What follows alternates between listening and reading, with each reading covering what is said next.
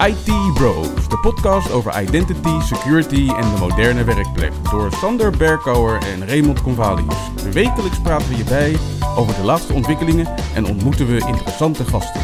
Volg onze podcast op Spotify of iTunes en stel je vragen op Twitter, ITBrosNL. Ik ben Raymond Convalius. En mijn naam is Sander Berkouwer. Welkom bij aflevering 23 van seizoen 3 van de IT Bros podcast. Met in deze aflevering het meest recente nerdnieuws. Uiteraard de aankomende geek-evenementen. En uiteraard weer een lijpe productiviteitstip van Ray. Om ook maar even de feedback die we de afgelopen weken kregen mee te pakken.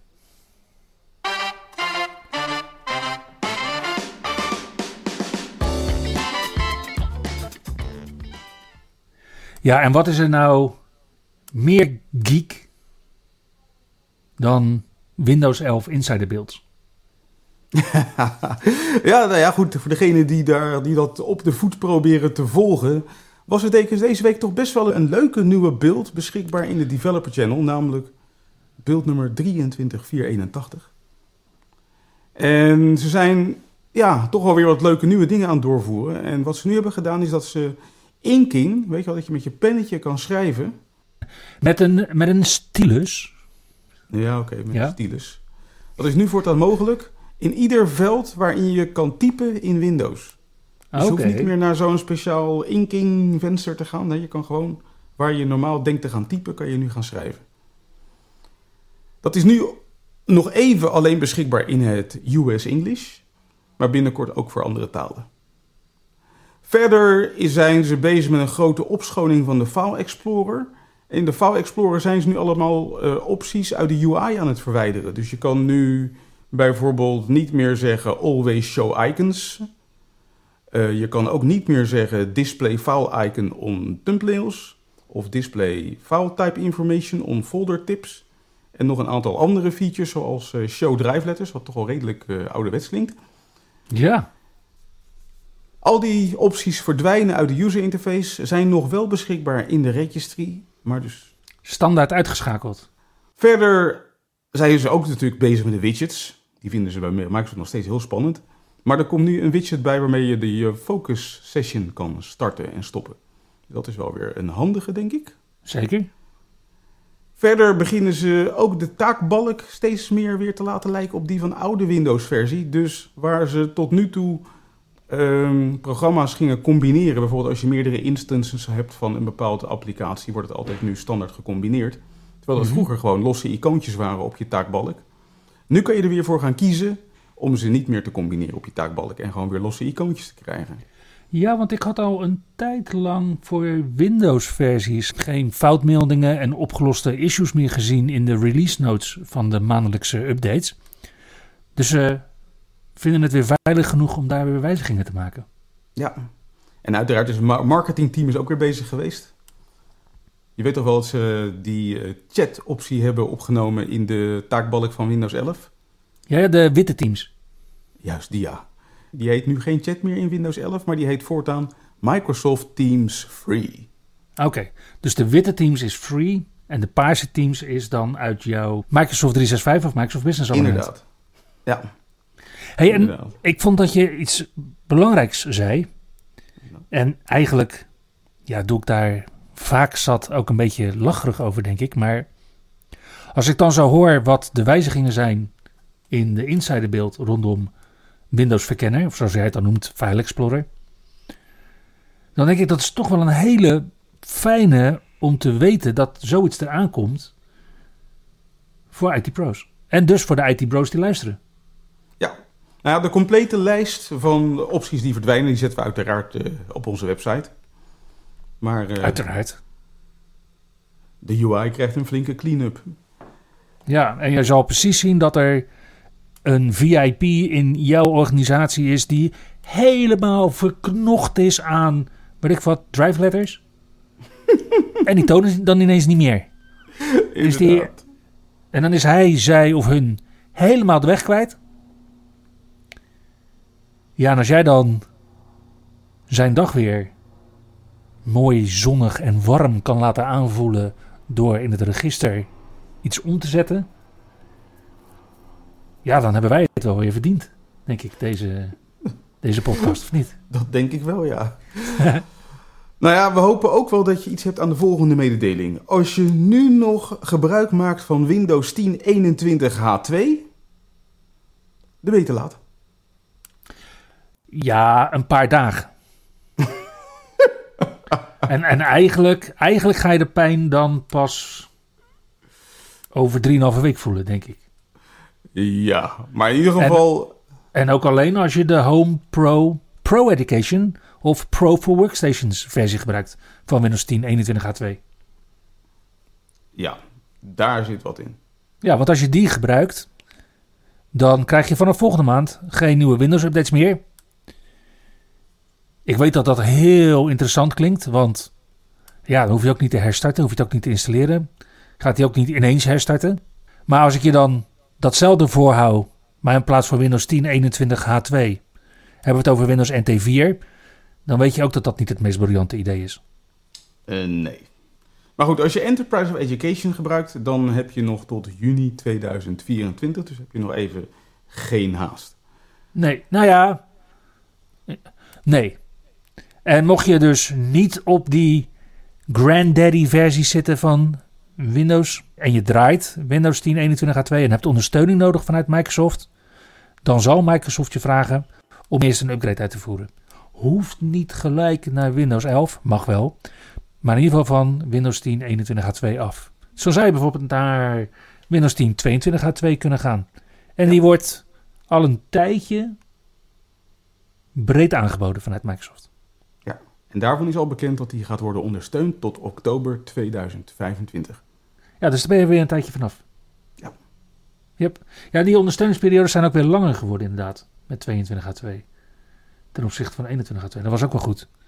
Ja, en persoonlijk ben ik ook wel blij dat 21H2 eruit gaat. Want ik kon me mateloos irriteren aan een bug in die versie. Namelijk dat pop-up vensters niet automatisch de focus kregen. Dus dan uh, doe je een eh, MSTSC'tje.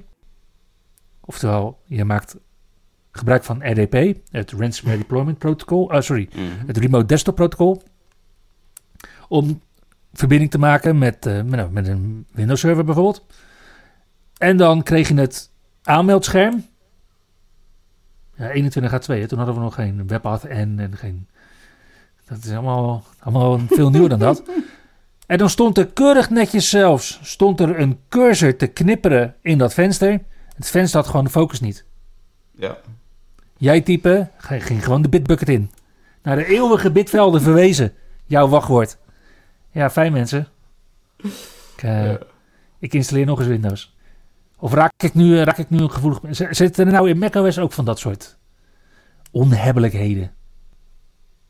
Um, ik ben ze nog niet tegengekomen. Want dat is geen, niet van die pop-unders uh, zoals jij ze nu beschrijft. Nee, het is geen pop-under. Hè? Het is wel gewoon een pop-up. Alleen heeft gewoon de focus niet. ook lelijk. Nee, nee, nee was, het, was het maar een pop-under. Weet je, dat hebben we natuurlijk ook een tijdje gehad in Windows. Dat is ook super vervelend, maar dan wist je tenminste, kan je met Alt-Tab kan je hem nog een beetje vinden. Ja. Nou ja, ik vind het wel steeds iets wat je denkt, eh, het is lelijk en het hoeft niet, maar goed. Nee, met, met WebAuthn hoeft het sowieso niet meer. Nee. Kun je hele presentaties bouwen zonder dat je ook maar één keer aanmeldt. Oh ja, wie deed het dat ook weer? Oh ja, dat zijn voor onze sessies. Ja, precies. Nou, ondertussen was het deze week weer de tweede dinsdag van de maand. En dat betekent, het was tijd voor Patch Tuesday. Yes, en Microsoft dichtte 78 kwetsbaarheden. En als we ze dan een beetje slicen en dicen. Hey Mike, het is geweldig. Mhm. Dan zagen we 17 Elevation of Privilege vulnerabilities. Dus dat zijn kwetsbaarheden waarnaar je, waarmee je naar System bijvoorbeeld kunt. Drie mhm. security feature bypass kwetsbaarheden. 32 remote code execution kwetsbaarheden, omdat samen code kloppen altijd gezelliger is. 5 mhm. information disclosure kwetsbaarheden. 10 denial of service kwetsbaarheden. Want hoe maak je anders tijd om naar de koffiecorner te gaan? 10 spoofing kwetsbaarheden. En een Edge Chromium kwetsbaarheid. Okay.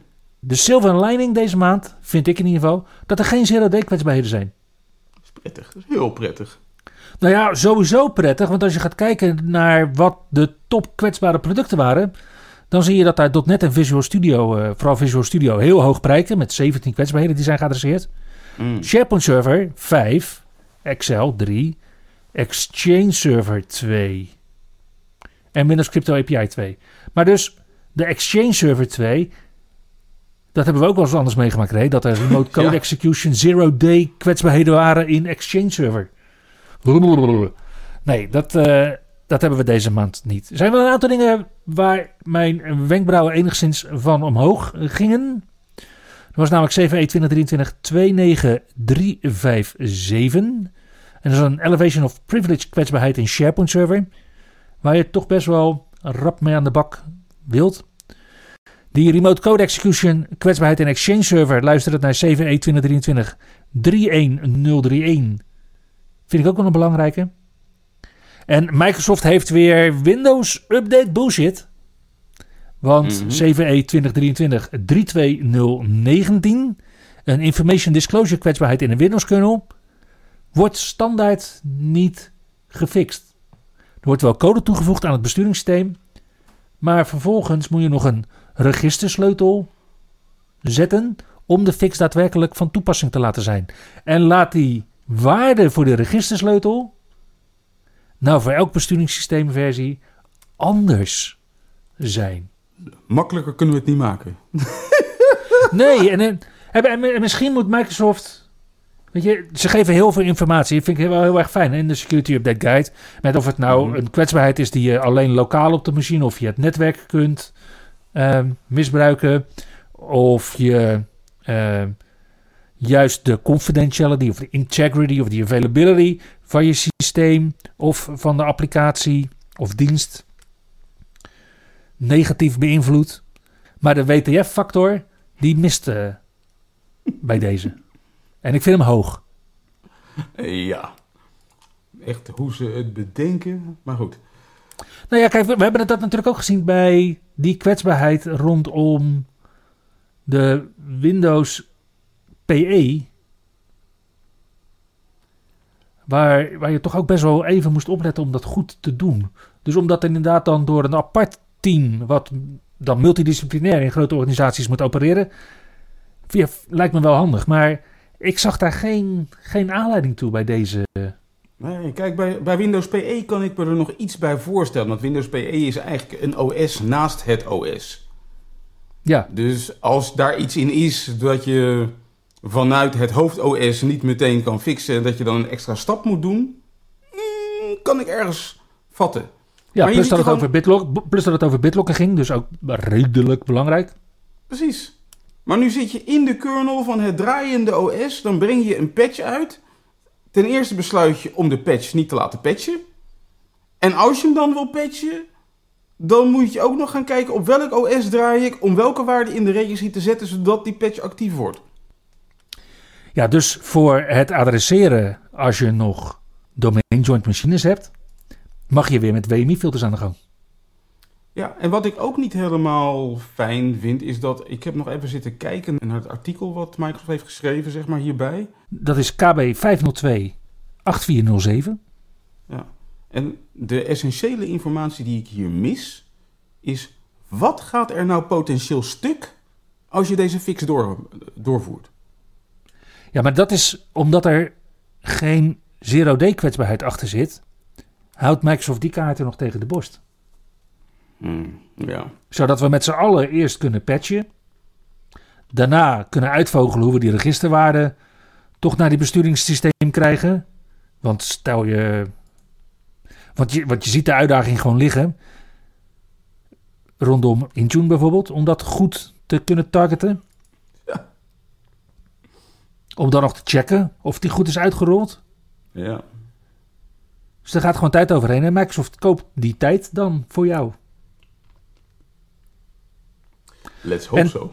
En tijd is trouwens wel een interessante, want als je Windows Server 2022 installaties draait met Secure Boot op ESXi 7.0 en lager, en lager betekent hier dan dus ESXi 6.5 en ESXi 6.7, maar die zijn allebei niet meer actief ondersteund, dan wil jouw Windows Server VM gaan bokken met deze updates.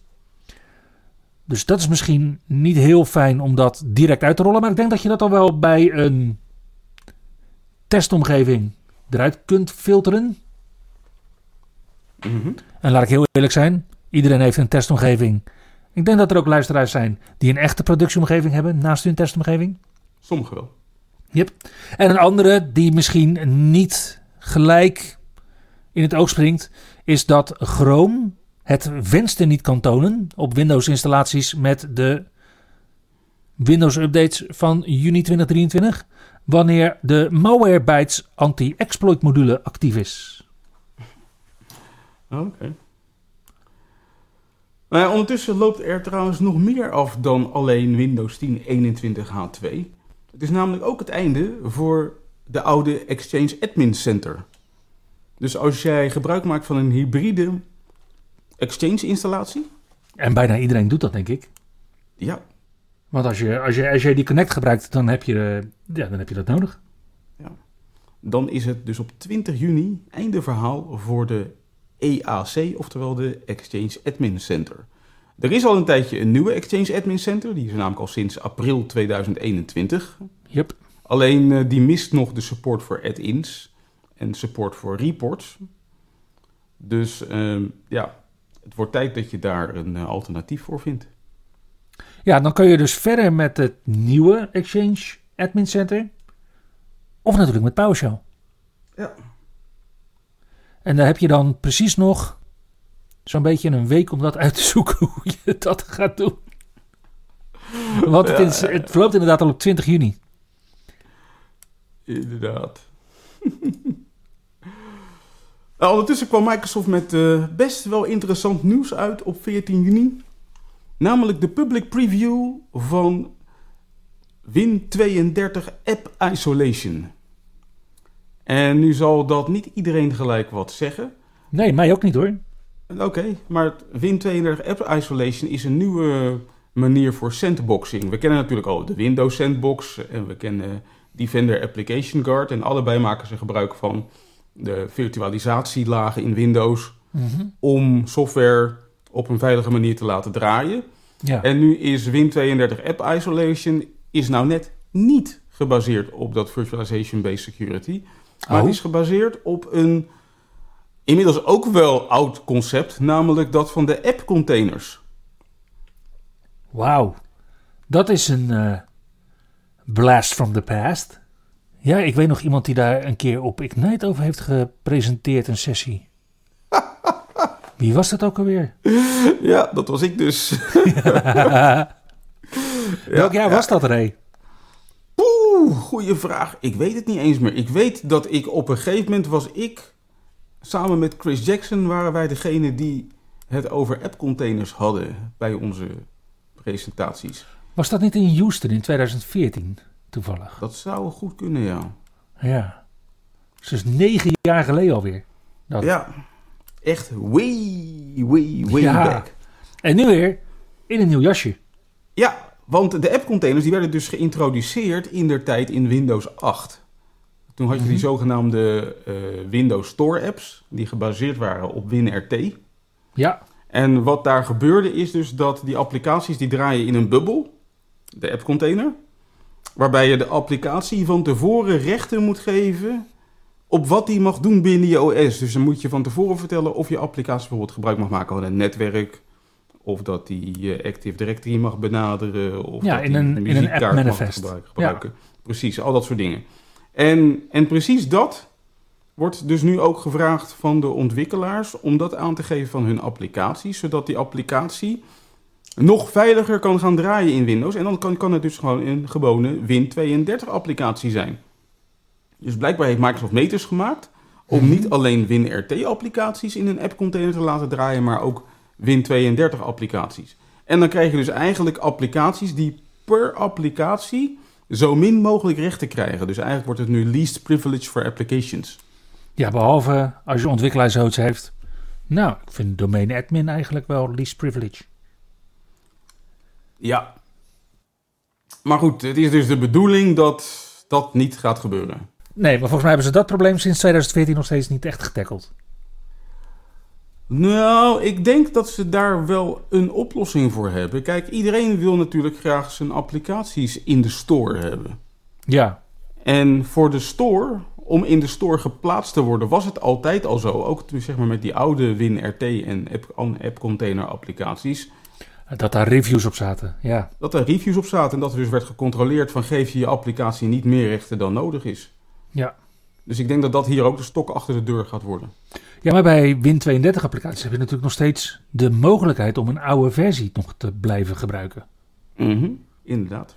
Maar het is een, een, blijft een uitdaging met, met meerdere lagen. Maar ook deze week kwam ik een voor mij nieuwe omgeving tegen. Gebeurt gewoon in Nederland. Er zijn nog mhm. steeds omgevingen die ik niet heb gezien. En bij deze omgeving waren er 83 domeinadmins. Oké. oh, wauw. ja, maar het is gewoon aan de bak is dat. Is leuk. Ja, ja, ja, ja. Mooie ontwikkelingen. ja. ja, en ik blijf me verbazen hoeveel modder je eigenlijk tegen Active Directory kunt aangooien en dat die blijft draaien, wat dat betreft. Ja, ze houden het al uh, een jaar of 24 vol bij heel veel organisaties. yep. Uh, het is redelijk robuust. Precies. En ook de Surface-apparaten van Microsoft zijn dat uh, toch wel, kunnen we stellen. Ja. Ik heb één keer een Surface Pro 4 is dat geweest, die heb ik gezien, die door meerdere voertuigen was overreden. Ja, daar kan denk ik toch niet elk apparaat tegen. En die ging nog aan, maar daar zou een nieuw schermpje geen overbodige luxe zijn geweest. En nu heeft Microsoft aangekondigd dat er voor serviceapparaten in de Microsoft Store de mogelijkheid wordt geboden in de VS, in Canada en in Frankrijk om vervangende onderdelen te bestellen. Ja, en, dat, en dan zie je dus dat uh, naarmate de apparaten nieuwer zijn, er meer mhm. onderdelen voor te krijgen zijn. Dus als je bijvoorbeeld nog over een Service Pro 7 beschikt, die inmiddels toch weer een aantal jaren oud is, dan kan je in die store alleen nog maar een kickstand vinden als reserveonderdeel. Maar beschik je bijvoorbeeld over een Service Pro 9, dan kan je behalve de kickstand ook een display bestellen, of een SSD, of een nieuwe accu, of een USB-poort, of een Service Connect charging port, de backcover, de speakers, de wifi module. Bijna alles aan losse onderdelen is gewoon te vinden in de store. En datzelfde is, ook natuurlijk... En dat, maar dat is wel testament voor de strategie die Microsoft nu heeft... dat mensen inderdaad hun apparaten zelf zouden moeten kunnen repareren. Ja. Ja en, via de Microsoft, en via de Microsoft Store aanschaffen is natuurlijk... Ja, ik vind het wel, ik vind het wel redelijk geniaal. Ja, nou ja, goed. Um, dat is geniaal. En sowieso vond ik dat Microsoft altijd al best hele goede garantievoorwaarden hanteerde voor als er iets stuk gaat aan je Surface. Ja, Want, ja, nou ja binnen, binnen, binnen de garantie kreeg je meestal gewoon een nieuwe toegestuurd. En na de garantie krijg je een aanbod om tegen een gereduceerd tarief een nieuwe Surface te bestellen bij Microsoft. Ja, ik kan me, jij hebt er een keer gebruik van gemaakt, geloof ik, hè? Ja, ja. Ja, ja, ik heb ook een aantal issues gehad met, uh, met de Microsoft Band. en ik uh, ken een uh, mede-podcaster die problemen had met een Surface Headphones 1. En een gloedje nieuwe Surface Headphones 2 kreeg toegestuurd als vervangend apparaat. Het was altijd wel altijd netjes geregeld inderdaad. Ja. Maar in ieder geval, dus als je beschikt over wat nieuwere Surface apparaten, dan kan je zo ongeveer alle losse onderdelen bestellen bij Microsoft. Inclusief trouwens de voetjes voor de laptops, want die was ik ook al kwijt bij mijn laatste Surface laptop. Dan gaat hij zo glijden inderdaad over de tafel. Precies. Ja. Dus ik ga binnenkort een bestelling plaatsen in Frankrijk. Oké.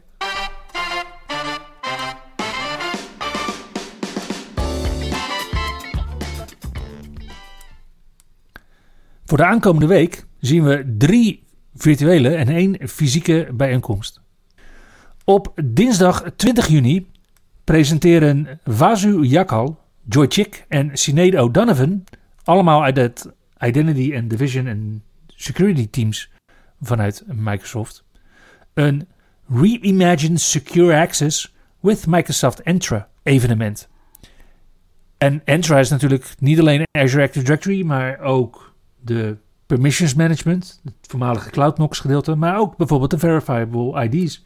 Dus als jij benieuwd bent wat je daarmee kunt voor je organisatie, dan zou het best wel handig kunnen zijn om tussen 6 en half 8 aan te sluiten. Ook omdat de dames eindigen met een live QA-chat. Nice. Nou, diezelfde dinsdag, maar ook op woensdag, hebben we weer zo'n dubbelklapper vanuit Microsoft van 3 tot 5 smiddags. Dus je sluit dan en op de dinsdagavond en op de woensdag aan. Waarbij Microsoft op de dinsdag aangeeft hoe je je applicaties kunt migreren. En op de woensdag hoe je je autorisaties kunt migreren. Als je van ADFS wegmigreert naar Azure AD. En dit is wederom een herhaling. Want deze hebben we al uh, twee keer gezien. Deze dubbelklapper sessies. En toch is het elke keer weer anders. Op donderdag 22 juni is het dan tijd voor het enige fysieke evenement van de komende week. En dat vindt plaats bij Xylos in Antwerpen. En dan hebben we het over MC2MC Summer Edition. En MC2MC, dat is natuurlijk de Microsoft Cloud and Client Management Community in België. Ja, en die beginnen om 6 uur s avonds met een welkomstdrankje en eten. En daarna presentaties van Thomas van Laren, From Arcane to Accessible, Demystifying Azure Confidential Computing. Hmm. Dan nog een presentatie van Sander Boegine en Robbe van den Dalen, namelijk Sentinels Got Game, Unleashing the Power of Third-Party App Integrations. En na de pauze een sessie van Erik Loef. LastPass Hack the Investigations. En dan vanaf 21 uur 40 is er de mogelijkheid om te netwerken en om nog wat te drinken. Nou, mocht je geen behoefte hebben aan een fysieke bijeenkomst, dan kun je ook naar de Society Data Meetup. Die vindt ook plaats op donderdag 22 juni, maar dan van 7 uur s avonds tot half 9. En ja, op die agenda vinden we natuurlijk uh, geen drankjes, maar kan je altijd zelf regelen. En wat we wel zien is Purview Unified Data Governance. En in de anderhalf uur dat Society deze sessie online organiseert, krijg je onder andere onderwerpen als Purview's metadatamodel voorgeschoteld, hoe je access workflows definieert en dat allemaal met demo's onder andere rondom de Purview REST API.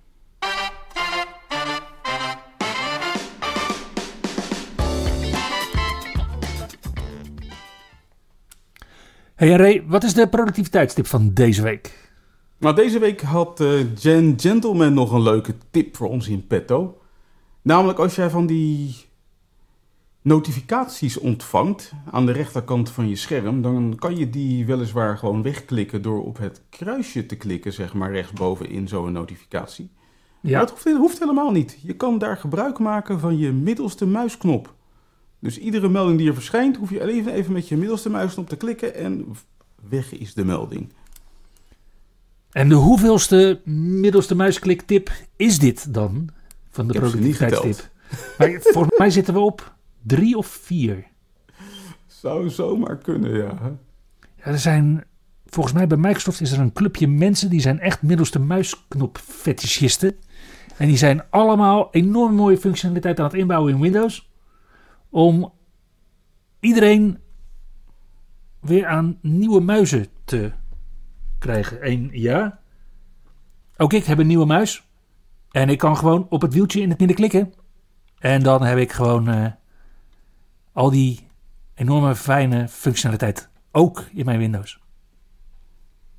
En daarmee komen we aan het einde van aflevering 23 van seizoen 3 van de IT Bros podcast. Dankjewel voor het luisteren en tot volgende week. Tot de volgende keer. Je luisterde naar IT Bros, de wekelijkse podcast over identity, security en de moderne werkplek. Abonneer je op Spotify, iTunes of Google Podcast als je de volgende aflevering niet wilt missen. Heb je hints of tips? Laat dan van je horen op Twitter. @itbrosnl